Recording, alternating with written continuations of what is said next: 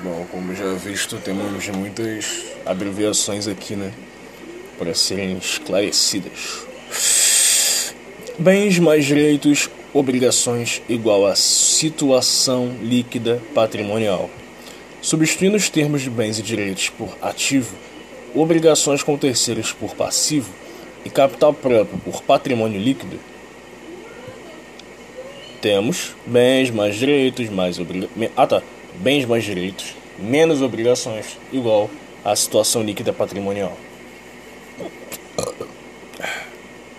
Me identifiquei até com o meu contra-cheque nessa.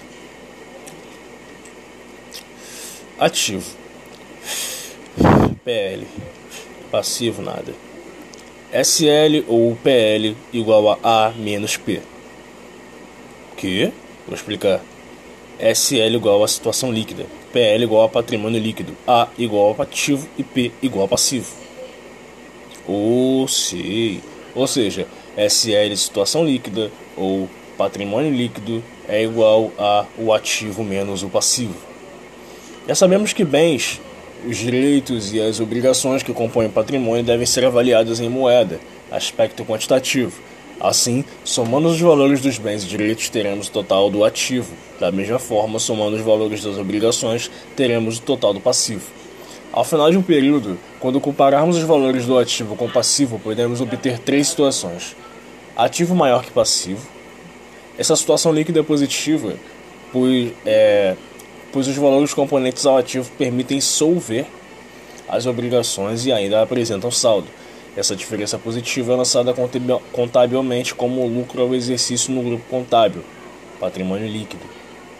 Equação patrimonial.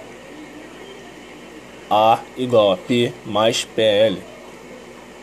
Ou seja, ativo igual a passivo mais patrimônio líquido.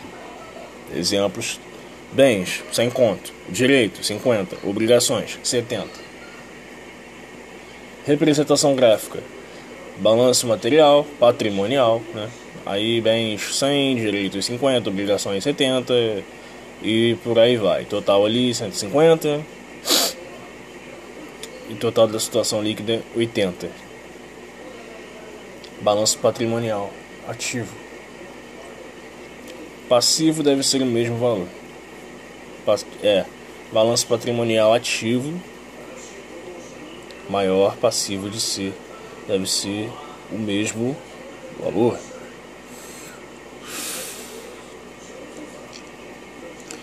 Essa situação aí, né, ativo menor que passivo, nos proporciona uma situação líquida negativa, pois os valores componentes do ativo não são suficientes para cobrir as obrigações.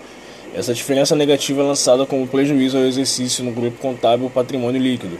Quando ocorre essa situação contábil, dizemos que a empresa apresenta um passivo à descoberta. Equação patrimonial novamente. Nada de novo. Ativo igual a passivo. Essa situação nos proporciona uma situação líquida nula, pois os valores do ativo cobrem tão somente o montante das obrigações. De novo, equação patrimonial. Aí, ótimo. Resumo das situações líquidas patrimoniais possíveis. Conforme evidenciado, para conhecer a riqueza líquida da pessoa ou de uma empresa, Precisamos somar os bens com os direitos e desse total subtrair as obrigações. Os resultados obtidos será a riqueza líquida, e em alguns casos os somatórios dos bens mais direitos superam o valor das obrigações.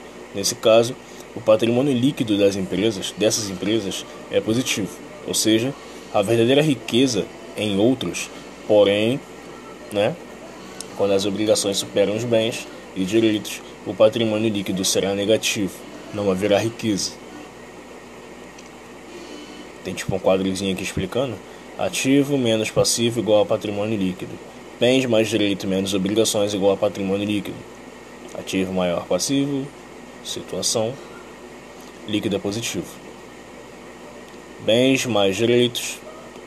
Uh, tá bom, já entendemos. Já deu bom. É isso aí.